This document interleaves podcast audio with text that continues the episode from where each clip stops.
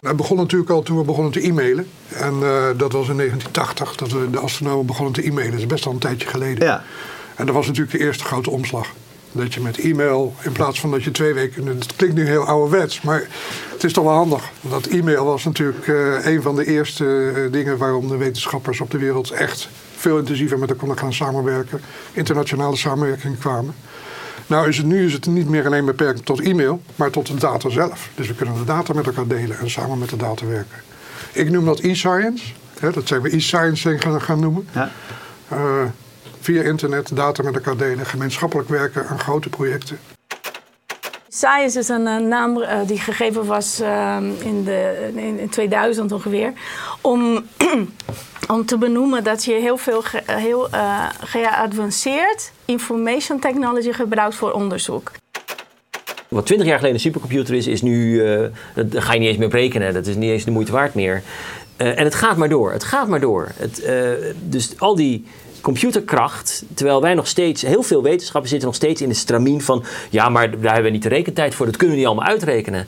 Dat kan je wel uitrekenen. Uh, computers zijn snel, je hebt uh, die grafische kaarten, die, uh, die spelletjeskaarten die een computer honderd keer sneller maken. Iedere middelbare school heeft tien van dat soort PC's staan. Koppel de hele zooi aan elkaar en, en reken je helemaal suf. Ja. dat kan allemaal. Alles staat op internet. Ehm, computers zijn snel, het is een mekka voor de, voor de computationeel astrofysicus bij de techniek hebben we het alleen over de meetkant gehad. Maar er zit een enorme infrastructuur achter die we samen met het uh, Nederlands e-science Center en Surf-Sara ontwikkelen. Um, ik zei net al, van als, ik, uh, als ik hier nou een laptopje pak, dan kan ik hier vandaan communiceren naar Zuid-Afrika. En dan kan een vogel die daar rondvliegt, kan ik voorzien van nieuwe instellingen. Dat is toch iets waar ik een tijdje geleden niet van had durven dromen. En daar gebruiken we allemaal eigenlijk bestaande techniek voor. Maar het moet wel allemaal op de juiste manier geïmplementeerd worden.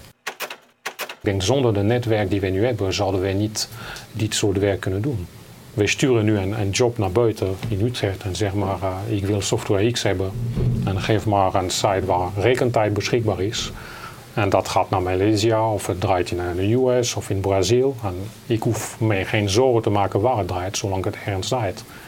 Het kost wel wat moeten, dat moet je allemaal in, in, in plaats brengen en, en, en managen. Ja. Maar als één keer redelijk draait, dan, dan is het een mooie automatisering. En zonder de netwerk, zonder die communicatie van nu zal dat niet mogelijk zijn. Het is betrouwbaar omdat onze steekproeven zijn Ja. veel groter geworden. We hebben veel meer data. Dus in het begin moest je kiezen en dan miste je natuurlijk al die andere dingen die je niet kon bekijken. Nu kun je dat allemaal bekijken. Dus het is betrouwbaarder, het is veel preciezer en het is, uh, ja, het is veel, veel grootschaliger geworden. the amount of data I can, can process right now is being limited by the fact that, for example, my desktop computer, it takes three times as long to process the data as it takes to collect an experiment. So I can keep doing lots of experiments, but I end up with this huge backlog of data to process. And then the storage is also a problem. So again, I track these things by using video microscopy. And these videos are, are huge. So it's a, the raw video file is 240 gigabytes per hour. Oké. And you know there are many, many experiments. Yeah. So storage becomes a, an issue as well. Big data eh, is aan de ene kant een probleem en aan de andere kant biedt het gewoon allerlei nieuwe oplossingen. Dus eh, eh, eh, eh, die big data maakt gewoon voor mensen heel, heel, heel, heel concreet dat ze, dat ze eigenlijk niet meer in staat zijn om, om, om die, die, die, die groei van, eh, van informatie zelf bij te houden. Dus er is een grote behoefte aan, eh, aan oplossingen.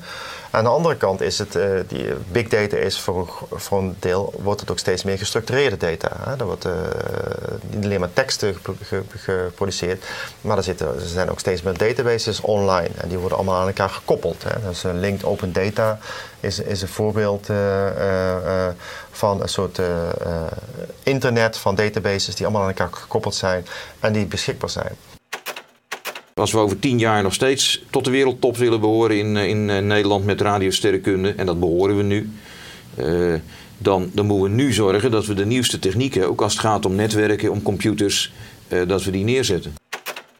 Voor de echt eh, omgaan met heel veel data en wat er nu op de IT-wereld allemaal op ons afkomt, moet je eigenlijk veel meer gaan denken aan de data zelf. Vandaar dat we met datacentrische modellen aan het werken zijn.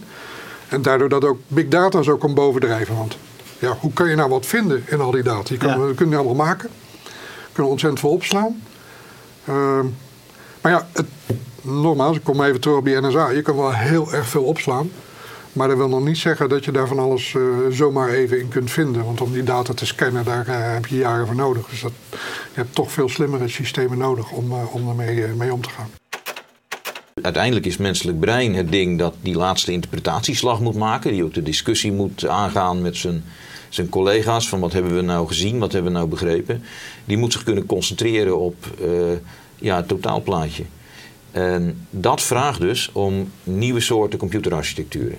Wij, wij komen niet meer uit, niet alleen de sterrenkunde niet, maar straks in, in hele basale dingen als de security-industrie, eh, maar in eigenlijk elke tak van, eh, van wetenschap, komen we niet meer uit met eh, het oude computercentric model. Waar je de computer, de CPU zoals dat dan heet, centraal zet en dan ga je omheen eens wat geheugen douwen en je gaat eromheen eens wat harde schijven neerzetten. Het is die data waar het om draait. Die data moet je in het centrum zetten. En die vindt zijn vertakkingen dan wel naar andere stukjes data. En je moet die data de gelegenheid geven om nou ja, zichzelf te processen haast. Dus een nieuw model, net zoals LoFan met die platte antennetjes een nieuw model was om te ontvangen, is dit een nieuw model om te rekenen. Dat noemen we data-centric computing, waar je de data in het centrum zet en daaromheen ga je dan eens een keer eh, ja, verschillende soorten van processing organiseren.